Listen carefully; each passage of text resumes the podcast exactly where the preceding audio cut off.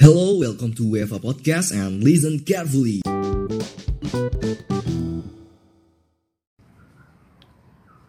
Oke, kita akan coba bahas. Hari ini kita akan bahas itu. Sebenarnya nggak bahas sih ya sebenarnya. Jadi lebih ke sharing gitu. Lebih ke sharing. Ini aku lebih sharing ke pengalaman belajar dari pengalaman pribadi. Yaitu tentang pengambilan keputusan, pengambilan keputusan untuk investasi. Pengambilan keputusan untuk investasi. Nah, ini cerita dari pengalaman aku. eh sebelumnya aku kan kuliah gitu nah selama kuliah itu aku juga aktif di wirausaha gitu buka usaha terus aku juga coba investasi gitu cuma di dalam pelaksanaannya gitu dalam aku berwirausaha terus juga aku investasi itu juga ada kegagalan-kegagalan. Contohnya ya waktu aku semester 5 itu aku pernah juga investasi salah satu sektor real sama teman. Lumayan waktu itu. Eh jadi bisa dibilang itu kalau dapetin hasilnya kita ya aku gitu kan itu nggak dapet hasil gitu malah nggak dapet hasil akhirnya malah rugi gitu. Nah itu salah satu kesalahan gitu kesalahan ketika membuat keputusan investasi. Eh, jadi apa aja sih gitu dasar-dasar pengambilan keputusan? Dasar-dasar pengambilan keputusan ketika kita ingin investasi. Kan banyak tuh di IG IG gitu kan di media gitu atau di kita ketika kita kuliah gitu Eh, biasanya BEI juga sering datang ke kampus-kampus untuk edukasi tentang investasi. Sebenarnya simpel aja. Kalau dari aku sendiri sih investasi itu pengambilan keputusannya ya ter apa tergantung dari motivasi kita gitu. Tergantung dari latar belakang kita gitu. Motivasi latar belakang kita untuk investasi nah jadi investasi itu kan ada tiga. Investasi itu ada tiga jenisnya.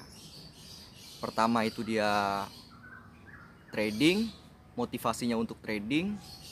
Kedua motivasinya itu untuk apa namanya akuisisi. Akuisisi yang ketiga eh mengharapkan dividen nah kalau yang trading ini biasanya kan investor-investor trading itu dia mengambil keuntungannya itu dari apa namanya Eh, ya besar biasanya kan harga saham itu ada naik turun. Nah mereka ngambil peluang di situ ketika harga sahamnya naik gitu.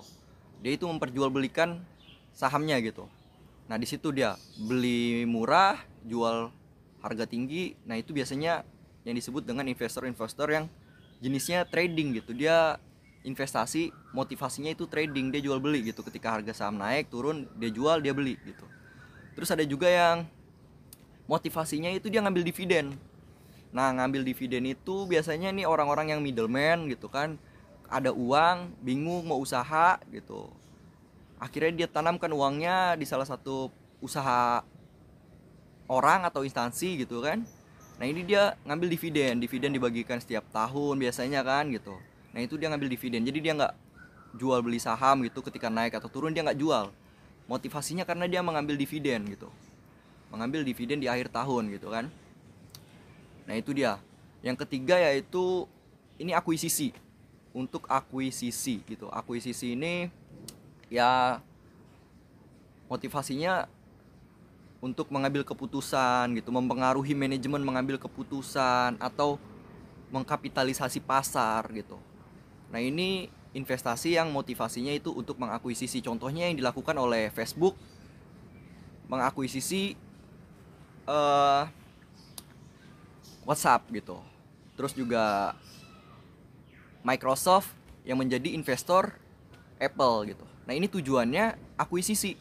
Tujuannya untuk mempengaruhi keputusan gitu, mempengaruhi keputusan manajemen.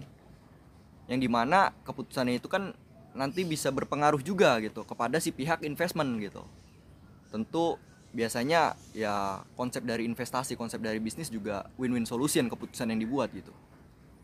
Nah, jadi kalau teman-teman mau investasi gitu kan, nah ini dari latar belakang teman-teman dulu gitu kadang kita ikut kelas ikut kelas datang kita langsung dengar misalkan dosen atau pemateri gitu tapi kita lupa nih kita latar belakang kita seperti apa motivasi kita investasi seperti apa. Nah itu yang buat jadi uh, miss gitu jadi miss.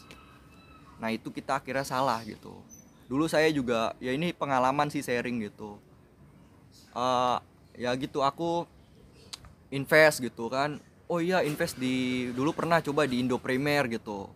Indo Premier biasanya ya kita sama itu di trading gitu kan. Terus aku pengen ngambil dividen aja aku di sektor real gitu cuma lagi-lagi butuh banyak pembelajaran aku juga masih belajar.